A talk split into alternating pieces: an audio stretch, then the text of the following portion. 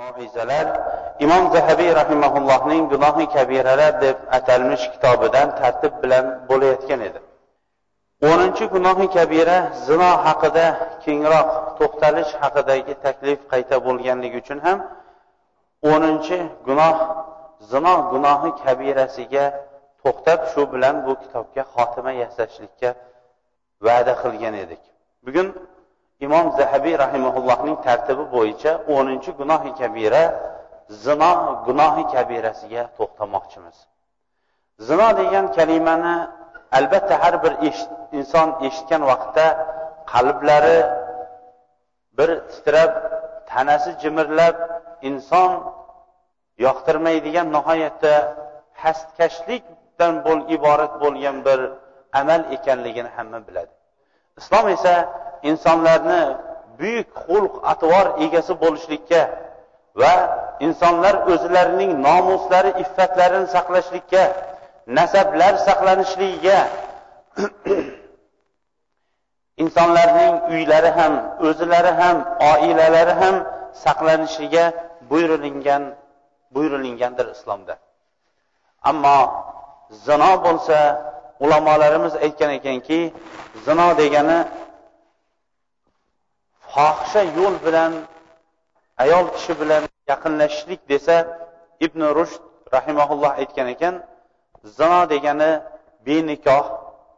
Yoyinki shubhali nikohsiz ham yoyinki o'zining mulkida bo'lmagan qulidan boshqa bo'lganlar bilan yaqinlik qilishlik bu zino amali ekanligiga butun ulamolar ittifoq qilishgandir. va butun ulamolarning ittifoq qilgani katta gunohi kabira va uning egasi albatta azobga loyiq ekanligiga ular ittifoq qilishgan alloh subhanava taolo zinoni harom qildi zinoga olib borib qo'yuvchi yo'llarni ham harom qildi shaytonir rojim ولا تقربوا الزنا إنه كان فاحشة وساء سبيلا zinoga yaqinlashmanglar Zino nihoyatda buzg'unchilikdan iborat bo'lgan fohishalik va yomon yo'l edi deydi. Qur'oni karim bizlarga o'zining mo'jizasini asrlar o'tishligi bilan ko'rsatib bormoqda. Mana bu oyatga bir e'tibor beradigan bo'lsak zino qilmanglar deb aytgani yo'q balki zinoga yaqinlashmanglar dedi. Chunki inson zino va zinokorlikka olib borib qo'yuvchi yo'llarga yaqinlashgandan keyin o'zini to'xtata olmasligini bilgan rahmli alloh taolo zinoga yaqinlashmanglar dedi. Chunki yaqinlashgan inson zino amalini qilib qo'yishligi mumkin bo'lganligi uchun ham. Asrlar o'tishligi bilan zinoni chaqiradigan zino amaliga chaqiradigan yo'llar nihoyatda ko'payib ketdi. Har qanaqa e'lon yo'llarining hammasi ham insonni zinoga olib borib qo'yadigan yo'l bilan bo'ldi. Oxiratga yaqin degandilar rasululloh alayhissalom ayollarning ham kiyinishlarini bayon qilib turib ustlarida kiyim bor deydigan bo'lsangiz kiyim yo'q kiyim yo'q deydigan bo'lsangiz kiyimi bor ravishdagi kiyinadigan ayollar bo'ladi degan edi. Mana bu ham zinoga olib borib qo'yadigan yo'l bo'lganligi uchun ham Alloh taolo zino qilmanglar demadi, balki zinoga yaqinlashmanglar dedi. Bu ham Qur'onning mo'jizaviy o'rinlaridan ekanligini va insonlarning butun tabiatini bilguvchi bo'lgan yaratguvchisi Xoliq tomonidan nozil qilingan Qur'oni Karim ekanligiga yaqqol isbot va dalil hisoblanadi dedi. A'udhu billahi minash shaytonir rojim. والذين لا يدعون مع والذين لا يدعون مع الله إلها آخر ولا يقتلون النفس التي حرم الله إلا بالحق ولا يزنون. ومن يفعل ذلك يلقى أثاما يضاعف له العذاب يوم القيامة ويخلد فيه مهانا إلا من تاب. boshqa oyatda esa alloh subhanahu va taolo maqtagan bandalarining sifatlarini bayon qilib olloh bilan birga qo'shib duo qilmaydiganlar ollohning o'zigagina iltijo qiladiganlar va allohga biron bir narsani shirk keltirmaydiganlar va olloh harom qilgan nafsni haq bilan o'ltirib nohaq o'ltirishlikni harom qilganni o'ltirmaydiganlar va zino amalini qilmaydiganlar deb turib maqtadi. Ana ular agar mana shu amallarni qilib qo'yadigan bo'lsa og'ir uqubat azobga yo'liqishadilar. Ularga qiyomat kunida yana azob ularga qo'shiladi va u yerda abadiy qoladi. Faqatgina alloh taolo ularning tavbalarini qabul qilganlargina mustasnodir bundan. Alloh taolo mana bu o'rinda shirik va insonlarni nohaq o'ltirishlik bilan birga zino qilganlarni bog'lab kelyapti zino jarimasini gunohini shunchalik buyuk qildiki o'ziga shirk keltirganlar va odamlarni nohaq o'ltirganlarning gunohi bilan barobar qilib turib uchinchi o'rinda zino qilgan insonlarning jarimasini bayon qildi. Shariati islomiya insonlarda hayotdagi tinchlik ravonlik xotirjamlik va har bir haqdor o'zining haqqini olishlik yo'lini o'rgatdi. Insonlarga zino qilishlik yo'lini harom qilar ekan qodir bo'lgan insonlarni zino qilishlik yo'lini bekitishlik uchun zinoning yo'llarini bekitishlik uchun qodir bo'lgan insonlarning hammalariga uylanishlikka buyurdi. Agar o'sha bitta ayoli bilan ham toqat qilolmaydigan bo'lsa ayollarini ham sonini belgilab turib ko'paytirishlikka buyurib turib أعوذ بالله من الشيطان الرجيم فانكحوا ما طاب lakum minan النساء مثنى va thulatha va o'zinglarga yoqqan ayollardan ikkitadan uchtadan to'rttadan o'zining shartlari bilan uylanishlikka ruxsat berdi. Bu ham shariati islomiyaning mutlaq insonlarning g'arizasini to'ydirmay turib o'sha g'ariza eshigini bekitib qo'yishligi degani emas balki halol yo'l bilan o'zlarining shahvatlarini qondirishlikka buyurib turib ana undan keyin tajovuz qilib Allohning amriga osiy chiqqanlar uchun mana bu azoblarni va'da qildi. Haqiqatdan ham Allohning amriga osiy chiqilib turib shuncha shuncha berilingan ne'matlardan keyin ham ollohning amriga osiy chiqqan odamlar dunyo va oxiratda uqubat jazosiga albatta ular haqli edi shuning uchun ham alloh taolo ularning dunyodagi uqubatini ham bayon qilib turib auzu billahi minash shaytonir rojim الزانية والزاني فاجلدوا كل واحد منهما مئة جلدة ولا تأخذهم بهم ولا تأخذكم بهما رأفة في دين الله إن كنتم تؤمنون بالله واليوم الآخر وليشهد عذابهما طائفة من المؤمنين zinokor ayol va zinokor erkakni har birlarini yuzta darradan uringlar ollohning dinida olinayotgan mana bu jazoda ularga rahm shafqat ham qilmanglar agar ollohga va oxiratga iymon keltirgan bo'lsanglar ularning azoblanishligiga mo'minlarning bir toifasi qatnashib tursin deb alloh taolo buyurdi. Mana bu hukm qur'oni karimda qiyomatgacha tilovat qilinadigan va amal qilinadigan hukmga aylanib qoldi. Rasululloh sollallohu alayhi vasallam davrida o'zlari e'tirof qilib kelgan insonlarni tavba qilib kelgan insonlar va o'zlarini poklab qo'yishlikni talab qilganlarni rasululloh sollallohu alayhi vasallam toshbo'ron qildi va dunyoning o'zida jazosini olib ketdi. Mana bu jazoga loyiq bo'lgan insonlar dunyoda olgan jazolaridan keyin oxiratda ular qaytib jazolanmasligi o'sha zino uqubatini qaytib olmasligi jazosini olmasligini bilganlaridan keyin dunyoning toshbo'roni ular uchun yengil qilindi. Shariatimizda agar oila qurgan ayol yoinki oila qurgan erkak kishi zino amalini qiladigan bo'lsa ular vafot etgunlaricha toshbo'ron qilinishligi agar oila qurmagan qiz yoinki yigit zino amalini qiladigan bo'lsa ular yuz darra urilishligi ana undan keyin esa sunnat bilan sunnat sobit bilan ular bir yilgacha boshqa diyorlarga surgun qilinishligi sobit qilindi. Mana bu ularning dunyoda ularga berilingan og'ir uqubat hisoblandi.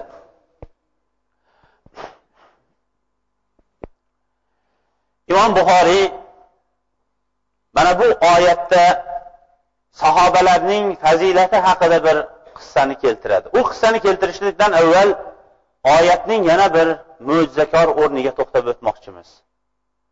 Qur'oni karimning mo'jizakor o'rni asrlar o'tishligi bilan insonlar o'rtasida o'zining mo'jizasini ko'rsatib boraveradi unga iymon keltirgan va o'sha amirlarga itoat qilganlar uning iymonlari ziyoda bo'lib unga amal qilib ketaveradi.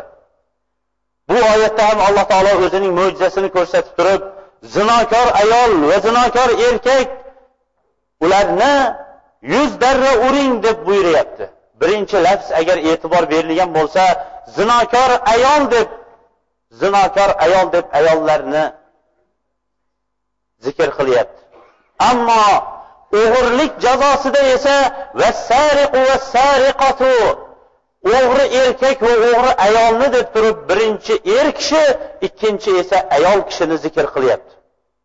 Mufassir ulamolar aytganki zino amali ayollarda ko'proq bo'lganligi uchun ham alloh taolo uni unda jazo o'rnida birinchi ayollarni zikr qildi. O'g'irlik erkaklarda ko'proq bo'lganligi uchun ham ayollardan ko'ra birinchi erkaklarni zikr qildi degan ekan. Bu ham insonlarning tabiatiyu holatini bilgan alloh taolo tomonidan nozil qilingan kitob ekanligiga yaqqol dalil bo'ladigan qur'onning mo'jizakor o'rinlaridan bittasidir. Imom buxoriy sahobalarning fazilati deb ajratgan bobda sahobalarning bittasining o'tgan toshbo'ron qilinishlik masalasi nafaqat islomda balki o'zlarining iffatlarini saqlab kelayotgan odamlarning ko'zlarida esa e'tiborga sazovor bo'lmay turgan ba'zi hayvonlarda ham bor ekanligini imom buxoriy o'zining sahihida keltiradi. Abdulloh ibn hatton aytadiki ko'fa masjidlarining bittasiga kirsam amr ibn maymun o'tirgan ekan. U kishidan odamlar o'rtaga olib ba'zi masalalarni so'rab o'tirardi. Bir kishi johiliyat vaqtingizda ko'rgan eng ajib bir ajablik narsangizni aytib bersangiz dedi. U kishi aytdiki men johiliyat vaqtimda ko'rgan eng ajib narsamni aytib beraman. Safarda vaqtimizda bir to'da maymunlarni ko'rdim. Men ularni ko'rib tomosha qilib turdim. Maymunlar to'dasi o'zlarining holaticha o'zlarining kundalik hayoticha yashardi. Bir maymun erkak maymun bilan ayol maymun ikkovi bir joyda yotishardi. Ayol maymun o'zining qo'llarini cho'zib erkak maymunning ko'krak tomonidan o'tkazgan holatda ikkovlari yotishardi.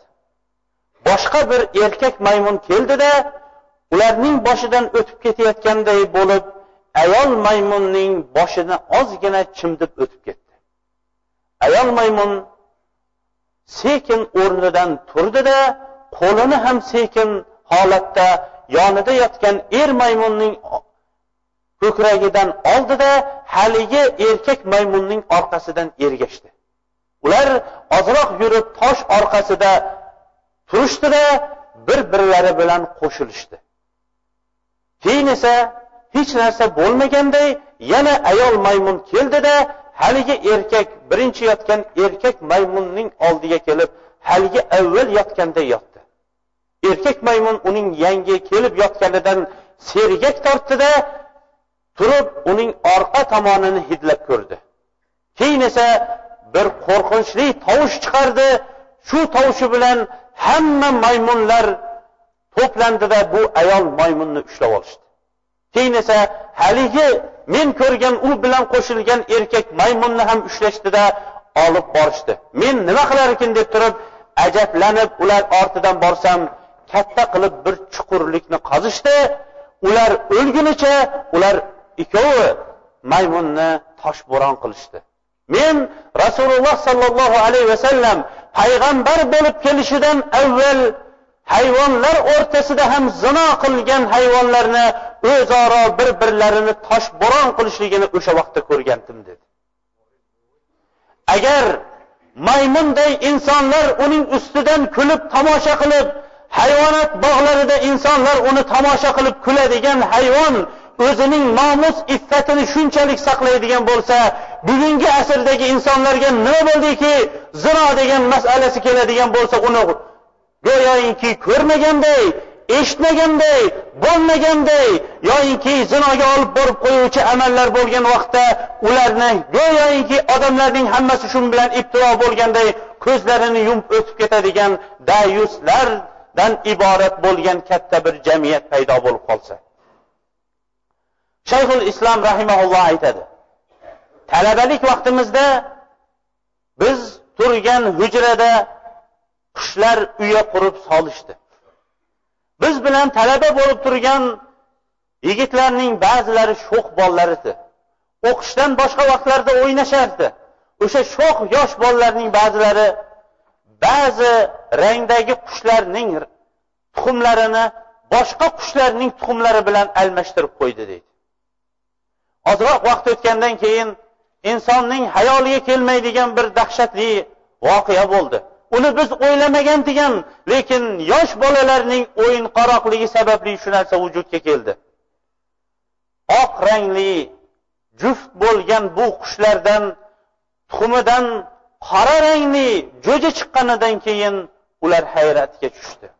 Keyin esa atrofdagi qushlarning hammalari kelishdida ayol bo'lgan makiyon bo'lgan qushni hammalari cho'qib to o'lguncha ular cho'qib o'ltirib yuborishdi deydi.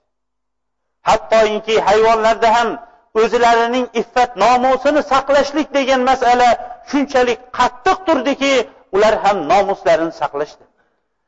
Agar bu voqealarni ko'rmagan lekin ishonchli bo'lgan sodiq bo'lgan odamlar bizlarga aytib bersa ham lekin hammamiz ham ko'rgan masala shuki albatta qishloq joyda yashagan odamlar bo'lib ham ot ushlagan odamlar uni yaxshi biladi. O'zi bilan juft bo'lib qolgan biroz yurgan ayg'ir o'zining yonidagi ayol biyaga biron bir begona erkak ayg'irni keltirmaydi. Agar keltirib qolsa ham ular to o'lgunlarigacha bir birlari bilan urushishlik masalasi hammamizga ham ma'lumdir.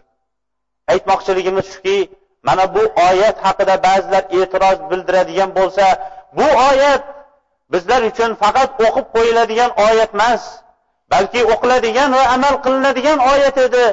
Agar u o'sha sharoitda bo'linadigan bo'lsa va bu oyat ham bejiz ravishda tushirib qo'yilgan oyat emas edi.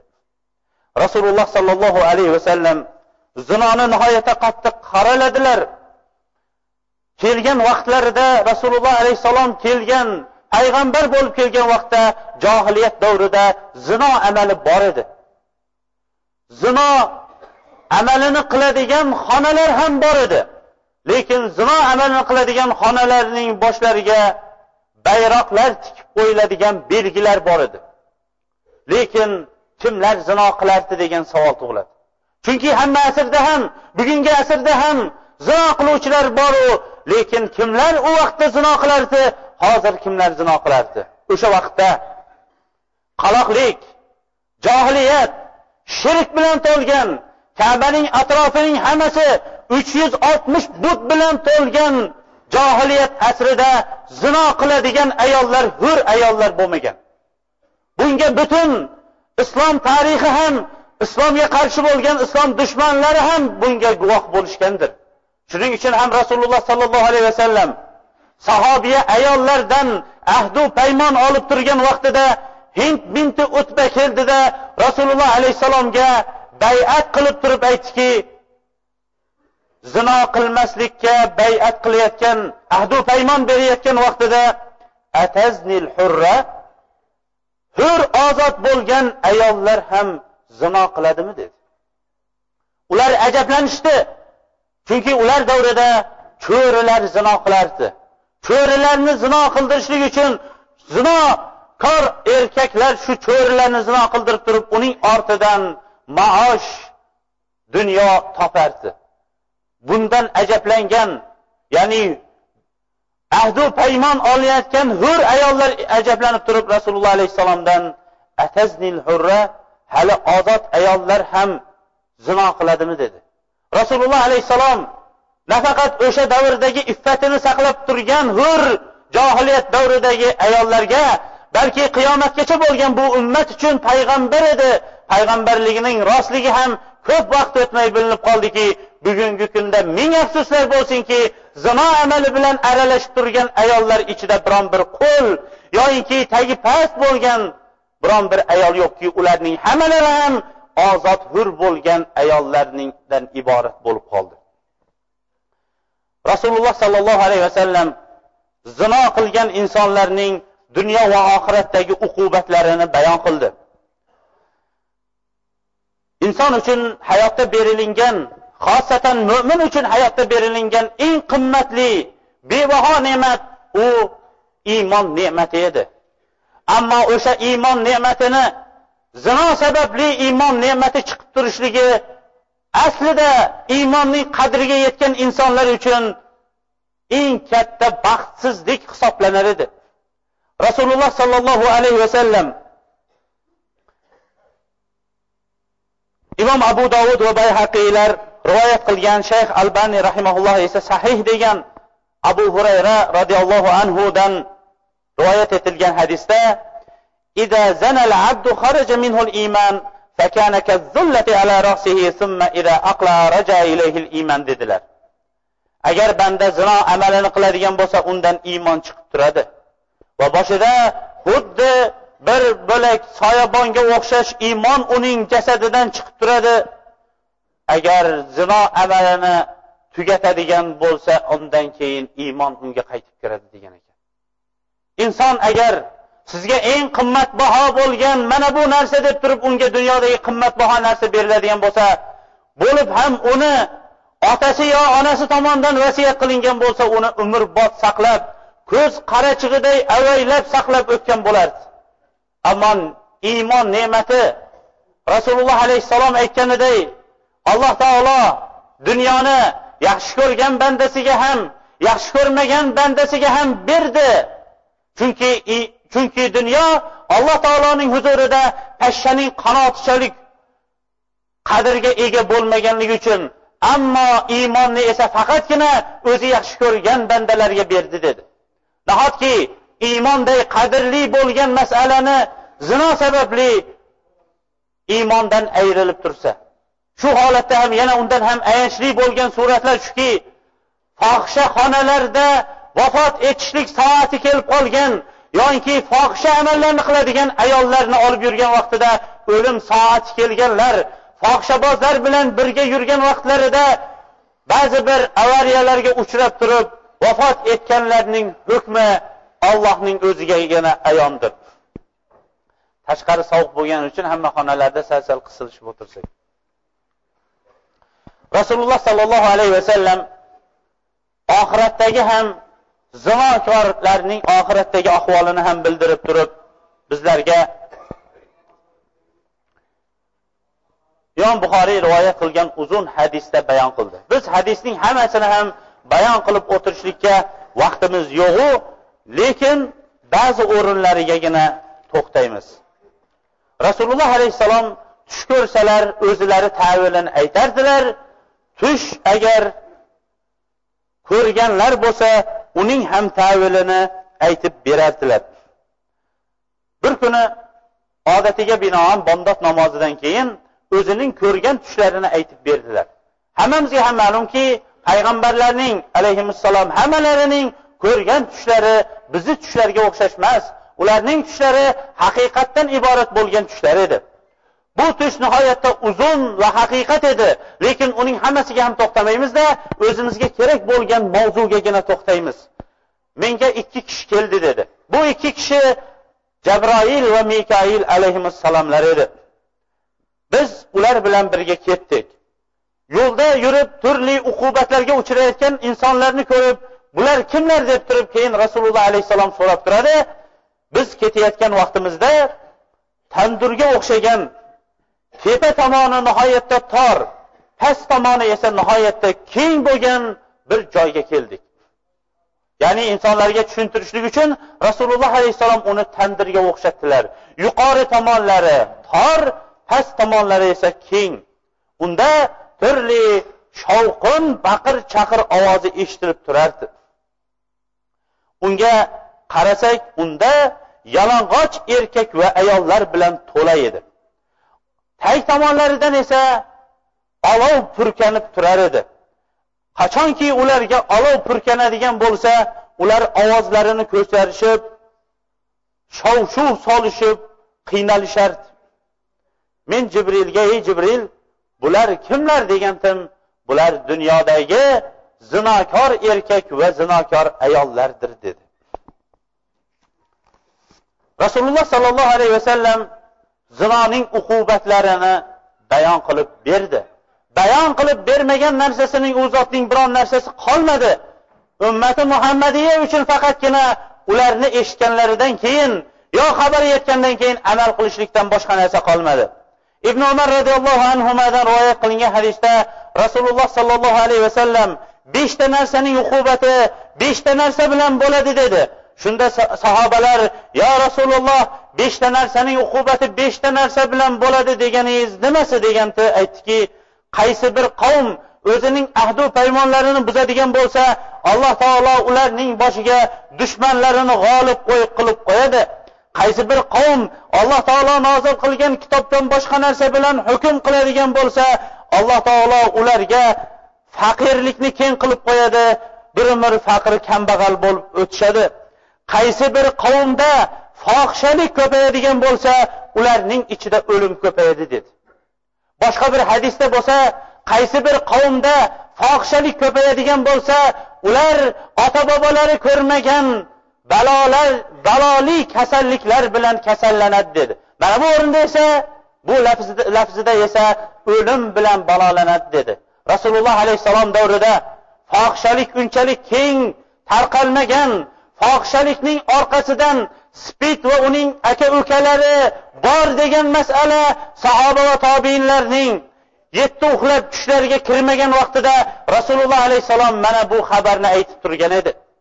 Ming afsuslar bo'lsinki vaqtlar o'tishligi bilan qavmlar ichida fohishabozlik zino amallari ko'payishligi bilan birga uning ortidan shunday bir olloh taolo jazoni uqubatni yubordiki bu fohishalik bilan aralashgan odam albatta mana shu illat spid kasalligiga uchraydigan yoinki spidning ukalari bo'lgan boshqa balolar bilan balolanadigan kasalliklar.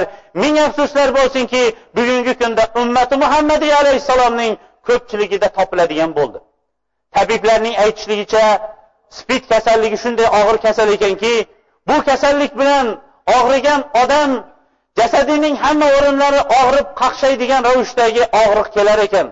Ha bu inson sog'lom vaqtida sog'lom vaqtida zino amalini qilib turib hamma jasadi bilan rohatlanib turgan vaqtida alloh taolo uning uqubatini berib turib spid kasali bilan yoki uning ukalaridan iborat bo'lgan kasalliklar bilan balolantirib turib uning hamma a'zolari umrbod azoblanadigan ravishda uqubatlar bilan uqubatlantirib qo'ydi. Bu ham alloh taoloning haq ekanligiga dalil bo'ladigan yaqqol hujjatlarning bittasi edi. Bu yerda nihoyatda ko'p zinoning uqubatlari haqidagi hadislar ko'pdi lekin hammasiga ham to'xtay olmaymizda zinoga borib qo'yishlik sabablari nima degan nuqtaga to'xtamoqchimiz. Ho'p zino jamiyatda yo'q emas bor. Lekin zino amalini qilib qo'yayotganlar nima uchun zino qilishadi? Nima uchun ayoli bo'lib turib boshqa yo'llar bilan harom yo'llar bilan shahvatini qondiradi? Nima uchun ming afsuslar bo'lsinki odam aytishlikka jur'at qilolmaydigan eri bo'lib turib ayollar bu amalni qiladi degan savolga ham islom javob berib turib uning yo'llarini sabablarini bayon qilib turib eng birinchi zino qilishlik sabablarining birinchisi insonning iymoni zaifligidir. Qaysi bir inson zino amalini qilayotgan bo'lsa bilingki uning iymoni nihoyatda zaifdir. Chunki rasululloh alayhissalom yuqorida o'qigan hadisimizda agar banda zino qiladigan bo'lsa uning iymoni uning yuqorisiga xuddi ko'lankaga o'xshash chiqib turadi dedi. Iymoni zaif insonlargina bu uqubatdan qo'rqmasdangina bu amalni qilishadi.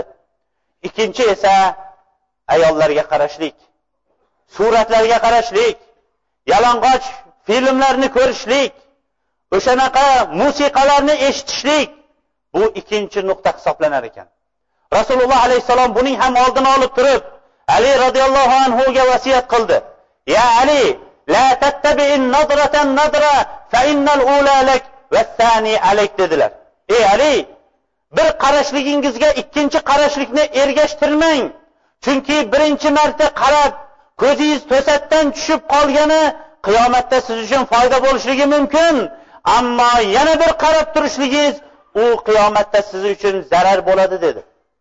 Nafaqat bu qiyomatda zarar balki ko'zlar ko'zlarga tushishligi jilmayishlar jilmayishdan keyin ko'rishishlik ko'rishishdan keyin esa tanishishlik tanishishdan keyin esa xoli qolishlik keyingisi esa halokatga olib boradigan og'ir bir kasofatning bittasi bo'lib qoldi.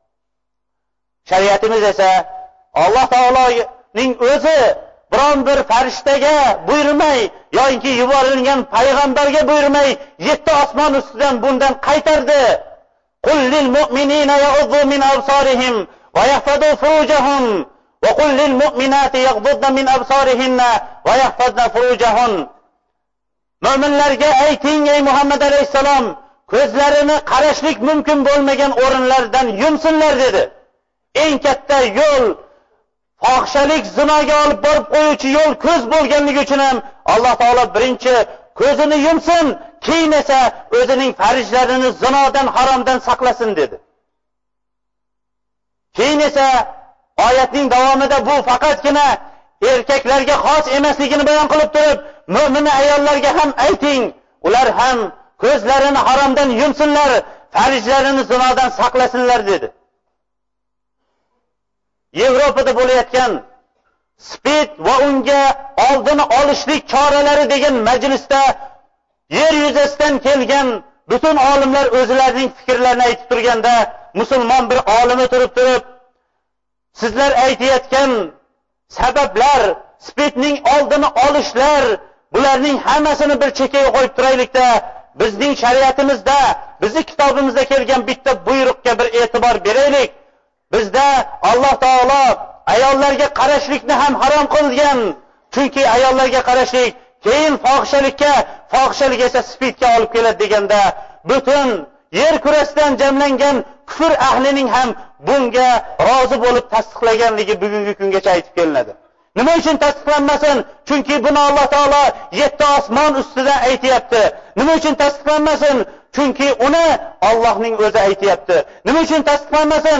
Chunki sodiq masduq bo'lgan oxirgi payg'ambar payg'ambarimiz alayhissalom buni aytyapti. Rasululloh alayhissalom boshqa bir hadisda bo'lsa ayollarga qarashlik shayton nayzalaridan bittasi dedilar. Boshqa hadisda esa ko'z zino qiladi. Ko'zning zinosi qarash mumkin bo'lmagan o'rinlarga qarashlikdir. Quloq ham zino qiladi.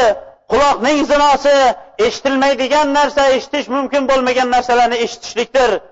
Og'iz ham zino qiladi. Og'izning zinosi shunday gaplarni fohisha gaplarni gapirishlik yoinki o'pishlik dedilar. Qo'l ham zino qiladi.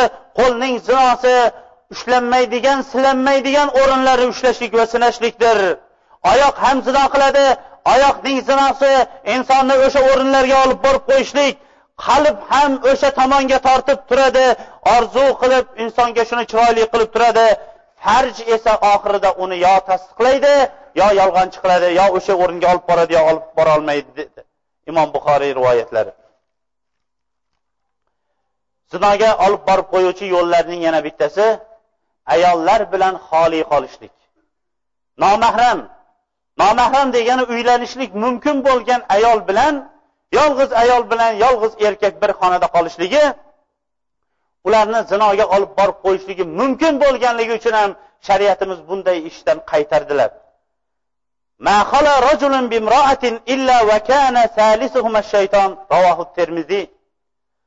Nomahram ayol bilan nomahram erkak biron bir joyda xalvatda qoladigan bo'lsa uchinchisi shayton bo'ladi dedi.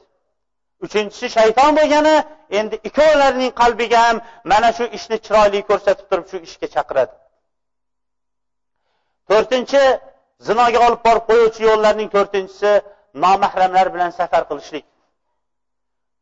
Uylanishi mumkin bo'lgan ayollar bilan xoli holatda safar qilishlik bu mutlaq jilovni bemalol qo'yib yuborib ularning shu ishga shu ishga rozi qilib ikkovini qo'shib qo'yishlik degandir rasululloh sollallohu alayhi vasallam buning ham oldini olib turib لا يحل لامرأة تؤمن بالله واليوم الآخر أن تسافر إلا مع زوج أو ذي محرم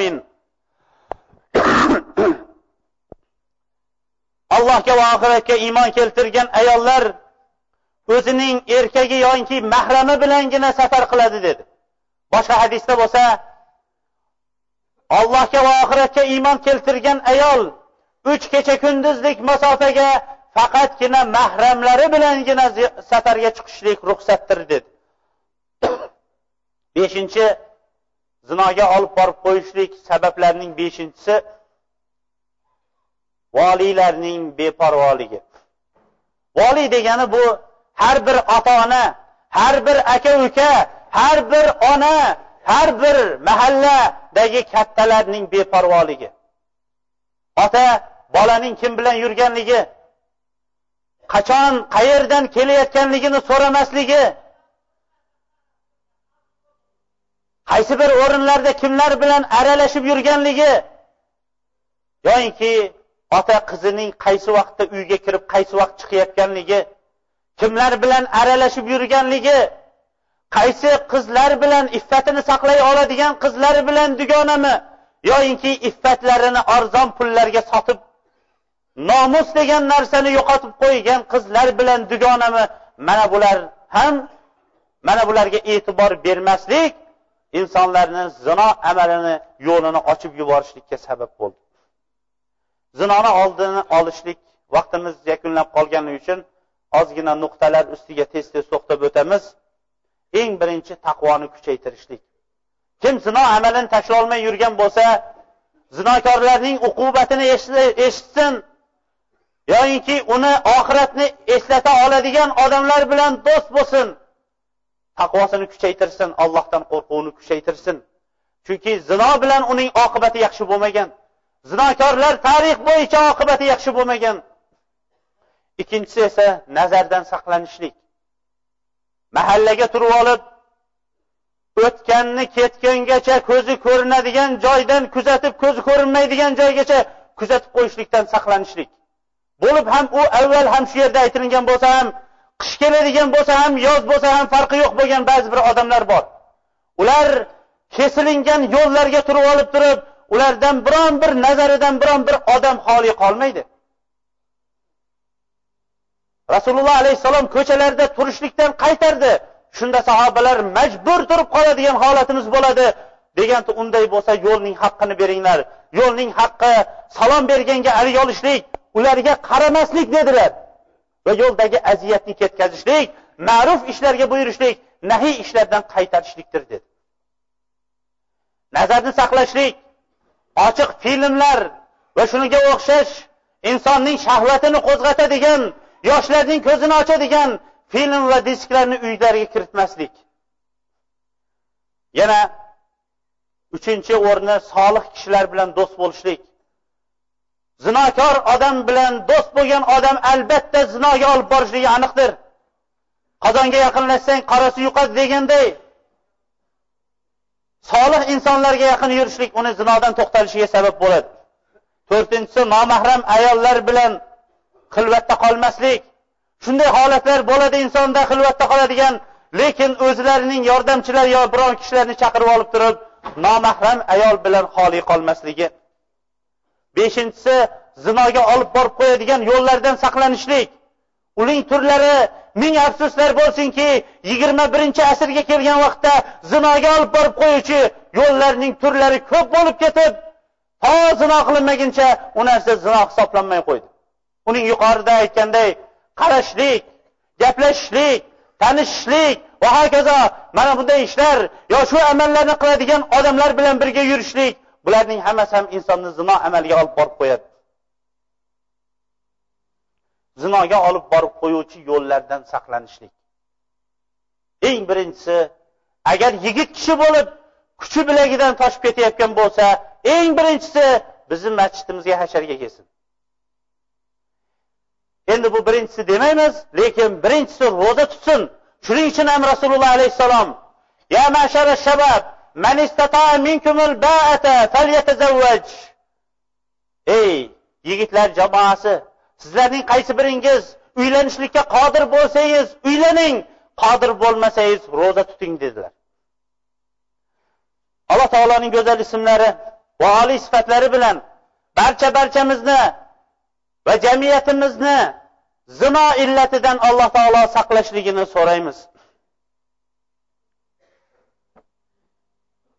Bu yerda zino qilib tavba qilganlar qissalari ham ko'p edi lekin vaqtimiz tor bo'lganligi uchun hammasiga ham to'xtay olmadik. Ho'p ko'pchilik savollarida duo so'rashyapti. Ho'p ahli ayolim oyog'ida gips bor. Jumodan keyin g'usulni qanday qilamiz? Ayolingiz agar gipsni yechishlik mumkin bo'lmasa ayolingiz tayammum qiladida namozini davom ettiraveradi. Ho'p ishlarim yurishmasa qo'y so'yib ish qilish kerakmi bo'lmasa ikki rakat namoz o'qib ollohdan tilash ishni yuritadimi debdi. Ho'p bu ikkovini ham ibodat albatta ishlarni yurituvchi kim? Yolg'iz olloh agar kasal bo'lsak shifo beruvchi olloh agar rizq talab qilsak olloh alloh taolo hadis qudusiyda mendan rizq so'ranglar men sizlarni taomlantiraman deyapti. Mendan kiyim so'ranglar men sizlarni kiyintiraman deydi.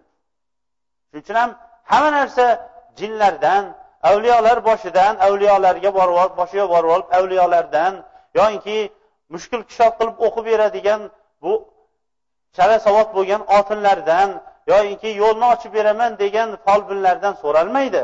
Rizqni beruvchi alloh taolo rizqning kaliti bo'lsa taqvodir. Auzu billahi minash shaytonir rojim.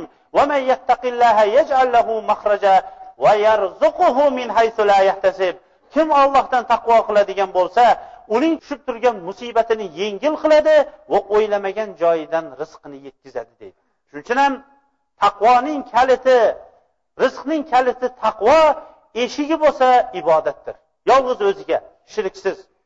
Ho'p biz ko'p haydovchilar deydi rossiyaga boramiz rossiyada ruslar bilasiz ularni kofir deyishadi. Shularni uyida namoz o'qisa bo'ladimi? To'liq tushuntirib bersangiz.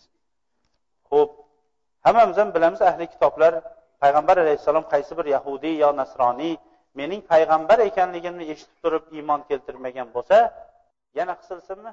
Yana ozroq qisilaylik tashqarida sovuq. Ozgina sabr qilamiz inshaalloh xutba ham hammasi yengilroq o'tishga harakat qilamiz. Ho'p unaqa joylarda agar jaynamoz toza bo'ladigan bo'lsa har qanaqa joyda namoz o'qilaveradi. Rasululloh alayhissalom menga beshta narsa berilindi dedi. O'sha berilingan beshta narsasi menga yer masjid va tahur qilindi dedi. Qaysi joyda ummatimning qaysi biri namoz vaqtini topgan bo'lsa shu yerda namozini o'qib ketaveradi dedi. Tahur degani agar namozga suv topolmay qolsa tayammum qilib ketishligiga bo'lgan ishora edi. Hozirgi kunda ko'pchilik bolalarimizda oy bo'libdi deb oyga yaqin xumga qaratadi. Shu to'g'rimi? Ikkinchi savolim dinda savolim bor kitobida yozibdi. Salla bilan o'qilgan ikki rakat namoz. Ho'p sallasiz o'qilgan o'qilgan ikki rakat namozdan afzal deb. Bunga nima deysiz? Ho'p oy paydo bo'lishligi bugungi kunda mana tabobat ilmi bo'yicha ko'pchilik yosh bolalarda yoshlarda yosh bolalarda vitaminning kam bo'lishligidir. Mana buni nima yosh bolalar tabibiga murojaat qilsa darrov vitaminni yozib beradi va shu bilan uning nimasi ko'zi o'z o'rniga tortib ketadi. Ammo xumga qaratishlik bunda nima bo'ladi deb o'sha xumni qarab turadiganlardan so'rasak ma'lum kunlarda ular is chiqarib turishligi va shu yerda ba'zi narsalarni o'qishligi haqida ham xabar kelgani uchun biz uning nima o'qishligini bilmaymiz. Isni nimaga chiqarishligi ham shubhali bo'lgani uchun undan ko'ra borib doktorga ko'rinib vitamin yozdirib olsin. Ho'p ikkinchi savoli u salla bilan degani rasululloh alayhissalom davridagi salla bilan hozirgi davrdagi salla o'rtasida farq katta. Bu uchun dalil kerak. Salla bilan o'qigan bilan sallasiz o'qigan o'rtasidagi savob degani uchun dalil kerak. Dalil kelsa inshaalloh hammamiz bunga bosh egamiz.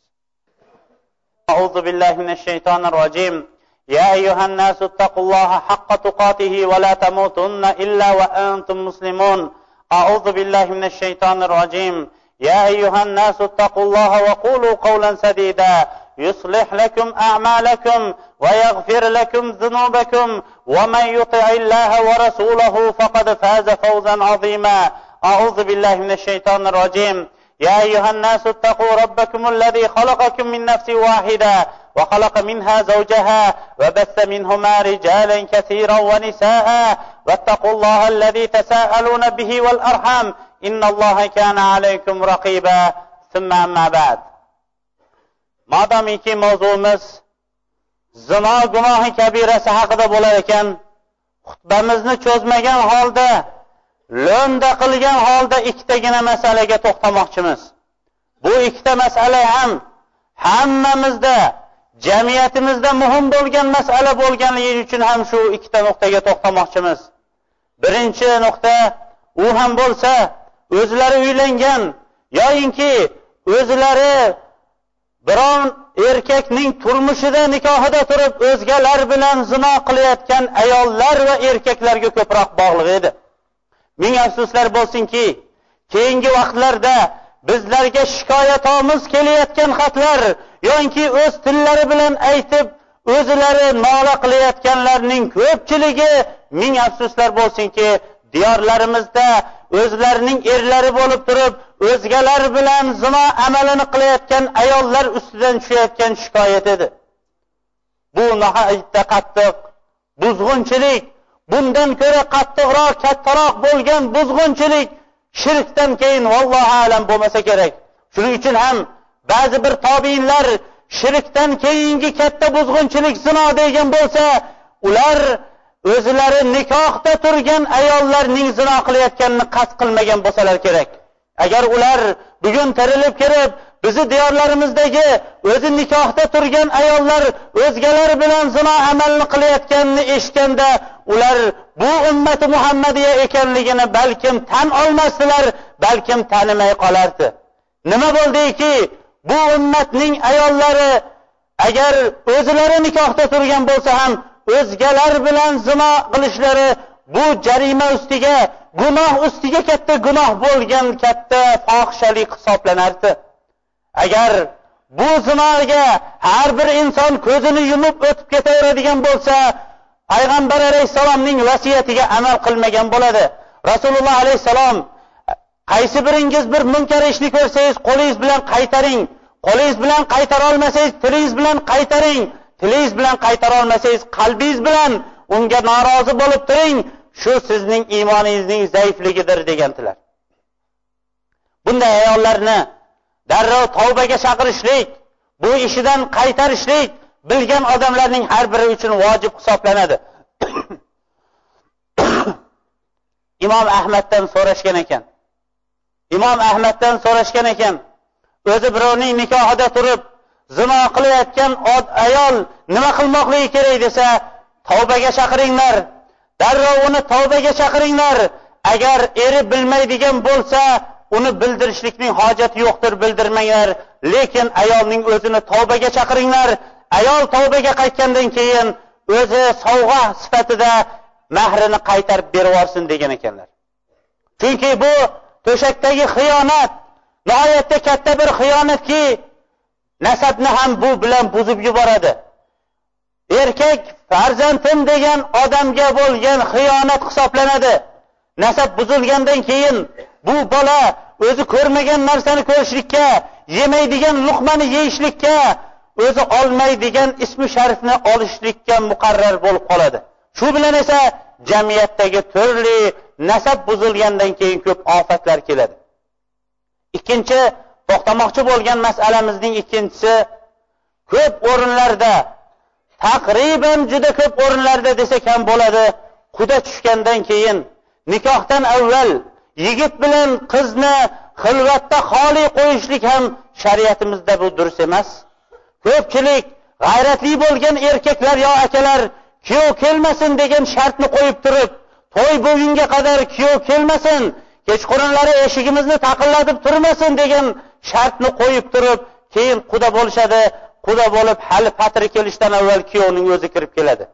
Lekin o'rtaga tushgan ayollarning o'rtada yupatganlari sababli haligi g'ayratli ota yoki g'ayratli akaning ham g'ayrati pastga tushib qoladida keyin kuyov xuddi o'zining uyidan nikohdan avval o'zining uyi kabi u yerda bemalol yotib ketishlari hech kim uchun sir bo'lmagan og'ir muammoning bittasidir. Bu muammoning oldini olishlik uchun bugungi kunda ba'zi bir allohga va oxiratga iymon keltirib sunnatni ushlashlikka harakat qilayotgan yigitlarimiz yoshlarimizning ko'pchiliklari o'sha quda bo'lgan vaqtida nikoh o'qitib qo'yishlikka tirishishyapti lekin ba'zilar aytishligi mumkinki quda bo'lganligining o'zi ham nikoh tushishligi emasmi deb turib. Biz shu yerda agarchi ba'zi domlalarimiz bizga norozilik bildirib bildirsalar ham bitta sirni shu yerda ochamiz. Mana shu o'rinda nikohning tushib qo'yishligi yo'lini o'rgatib o'tib ketamizda hatto jamiyatimizda nikohdan avval farzand bo'lib qolishligi yoki nikohdan avval qiz bilan yigit xoli qolishlik yo'lini bekitib ketishlikka harakat qilamiz. Imom azam rahmatulloh alayhi mazhabidagi mo'tabar bo'lgan kitobda hidoya kitobida shunday deydi. Aqdu deb gapni boshlanadi.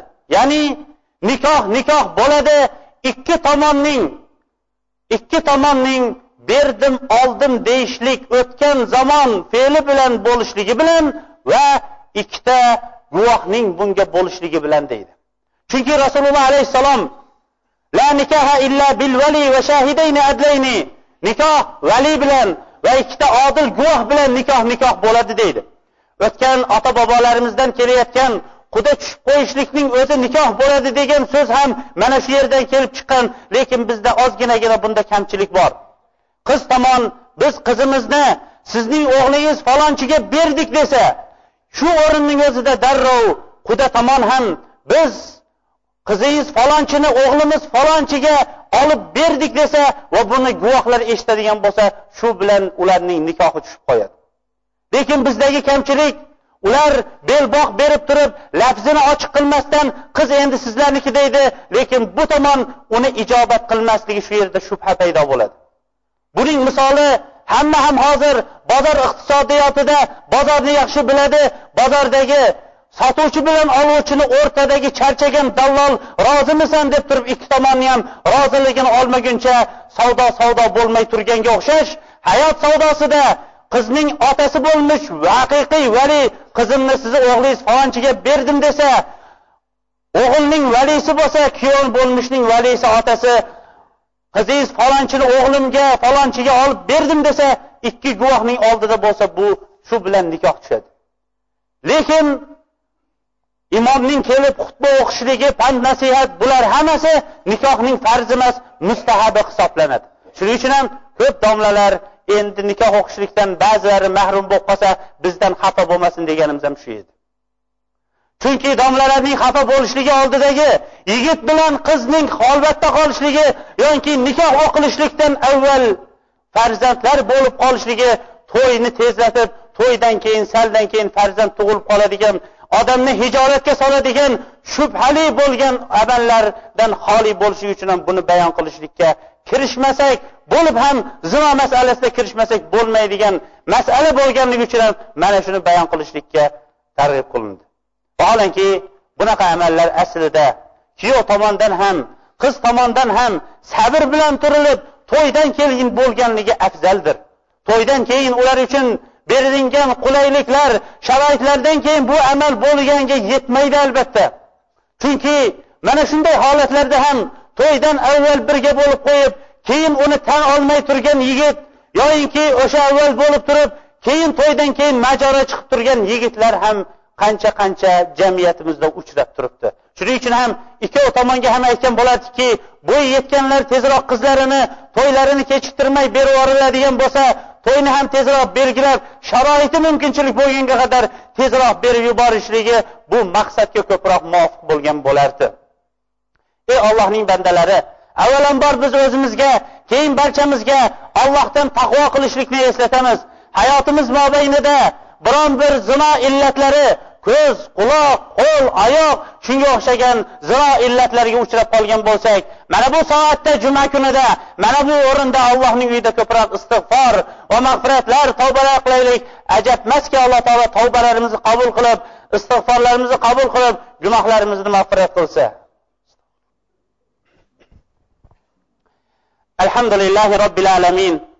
Ar rohmanir rohim maliki yomiddin والصلاة والسلام على نبينا محمد وعلى آله وصحبه ومن اهتدى بهديه إلى يوم الدين ثم أما بعد رسول الله صلى الله عليه وسلم o'ziga ko'proq salotu salomlar yo'llashlikka buyurdi xususan va ayniqsa juma kunida ko'proq salotu salomlar yo'llashlikka buyurdi imom navoiy va imom ibn hajar va boshqa olimlar aytgan ekanki kim rasululloh alayhissalomga bir marta juma kunida salovat aytadigan bo'lsa hadisga muvofiq alloh taolo unga o'n marta salovat aytadi o'n darajasini ko'taradi o'nta gunohini mag'firat qiladi va unga o'n marta salovat aytadi degan ekanlar mana bu soatda juma kunida bizlarni haq yo'lga yo'llashlikka sabab bo'lgan rasululloh alayhissalomga ko'proq salotu salomlar yo'llaylik innalloha va malaikatahu yusalluna ala nabiy يا أيها الذين آمنوا صلوا عليه وسلموا تسليما اللهم صل على محمد وعلى آل محمد كما صليت على إبراهيم وعلى آل إبراهيم إنك حميد مجيد. اللهم بارك على محمد وعلى آل محمد كما باركت على إبراهيم وعلى آل إبراهيم إنك حميد مجيد. اللهم أعز الإسلام والمسلمين وأذل الشرك والمشركين واحم حوزة الدين. اللهم ارزقنا من غير ما نحتسب. اللهم ارزقنا بالإيمان والعمل الصالح. اللهم ارزقنا بكسب حلال. اللهم اشف مرضانا ومرضى المسلمين. واقض الدين عن المدينين. اللهم يا رب المستضعفين. نجي المستضعفين في العالم. اللهم يا رب المستضعفين. نجي المستضعفين في العالم. اللهم يا رب المستضعفين. نجي المستضعفين في العالم. عباد الله فاذكروا الله ذكرا كثيرا. وسبحوه بكرة واصيلا. وآخر دعوانا أن الحمد لله رب